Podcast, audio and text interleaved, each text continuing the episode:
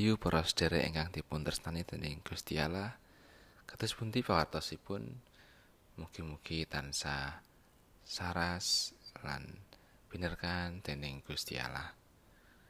Sumangga dinten menika kita sesarengan maos pangandikanipun Gusti lan kita raos-raosaken ing salebeting manah kita.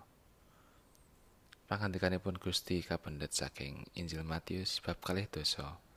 Ayat 29 ngantos tigang dosa sekawan. Injil Matius bab kalih dosa ayatipun 29 ngantos dumugi tigang dosa sekawan. Nalika padha metu saka ing kutha Yeriko, Gusti Yesus kadherekake ing wong akeh banget. Ana wong picak loro linggih ing pinggir dalan krungu yen Gusti Yesus langkung. Banjur padha nguwuh. Gusti, mugi kersa melasi kawula duh putranipun Sang Prabu Daud. Nanging banjur padha disendu dening wong akeh dikon meneng. Ewa semono malah saya seru anggone padha nguwuh ature. Duh Gusti, mugi kersa melasi kawula duh putranipun Sang Prabu Daud. Gusti Yesus banjur kendel anggone tindak sarta nimbali wong mau sarta pangandikani.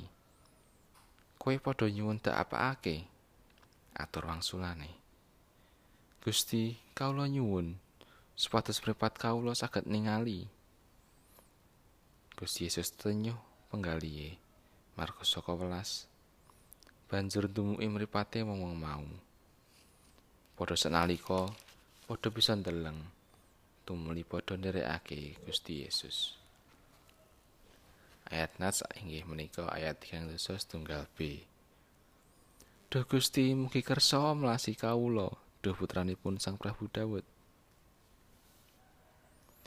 Renungan kaparingan jejer Satya Budidaya. Para sederek, pambudidaya ora nate nguciwani manungsa. Paling ora iku kang dirasakake tresna. Nalika mudidaya nyisihake rezekine mbuka sithik kanggo dandani omahe wong tuane. Nalika nembe miwiti sepisanan pancen ora gampang. Nanging kangelan iku banjur ilang nalika nyawang foto kirimane tati Mbak Yuni sakwise telung sasi didandani Tresno nganti pangling karo omahe. Tresno seneng amarga rumangsa wis bisa nyenengake wong tuane kanthi gawekake papan kang murwat minangka tandha tresnane. Saking senenge, dheweke nganti lali anggone kangelan nyisihake rejekine.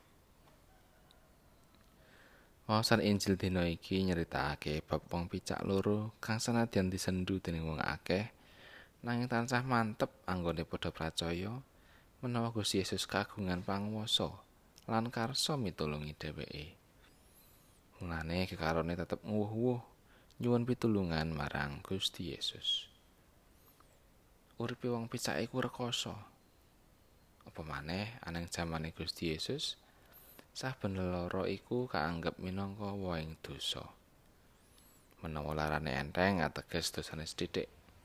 Ananging menawa larane nemen tur ora mari-mari uta apa maneh buduken kaanggep yen dosane akeh tur abot banget. Sing baku Wong Yahudi durung tau nemoni ana wong picak bisa ndeleng maneh. Mula duwe panganggep menawa pangwuwu iku ngloho. Nanging wong wuta iku mau tetep setya ngwuwu lan pembudidayane iku jebul ora ngloho.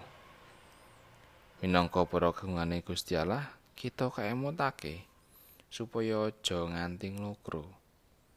Pancen nalika nambi nyangga memotan lan disaruwe dening wong akeh ora gampang ngetot wingking panjenengane.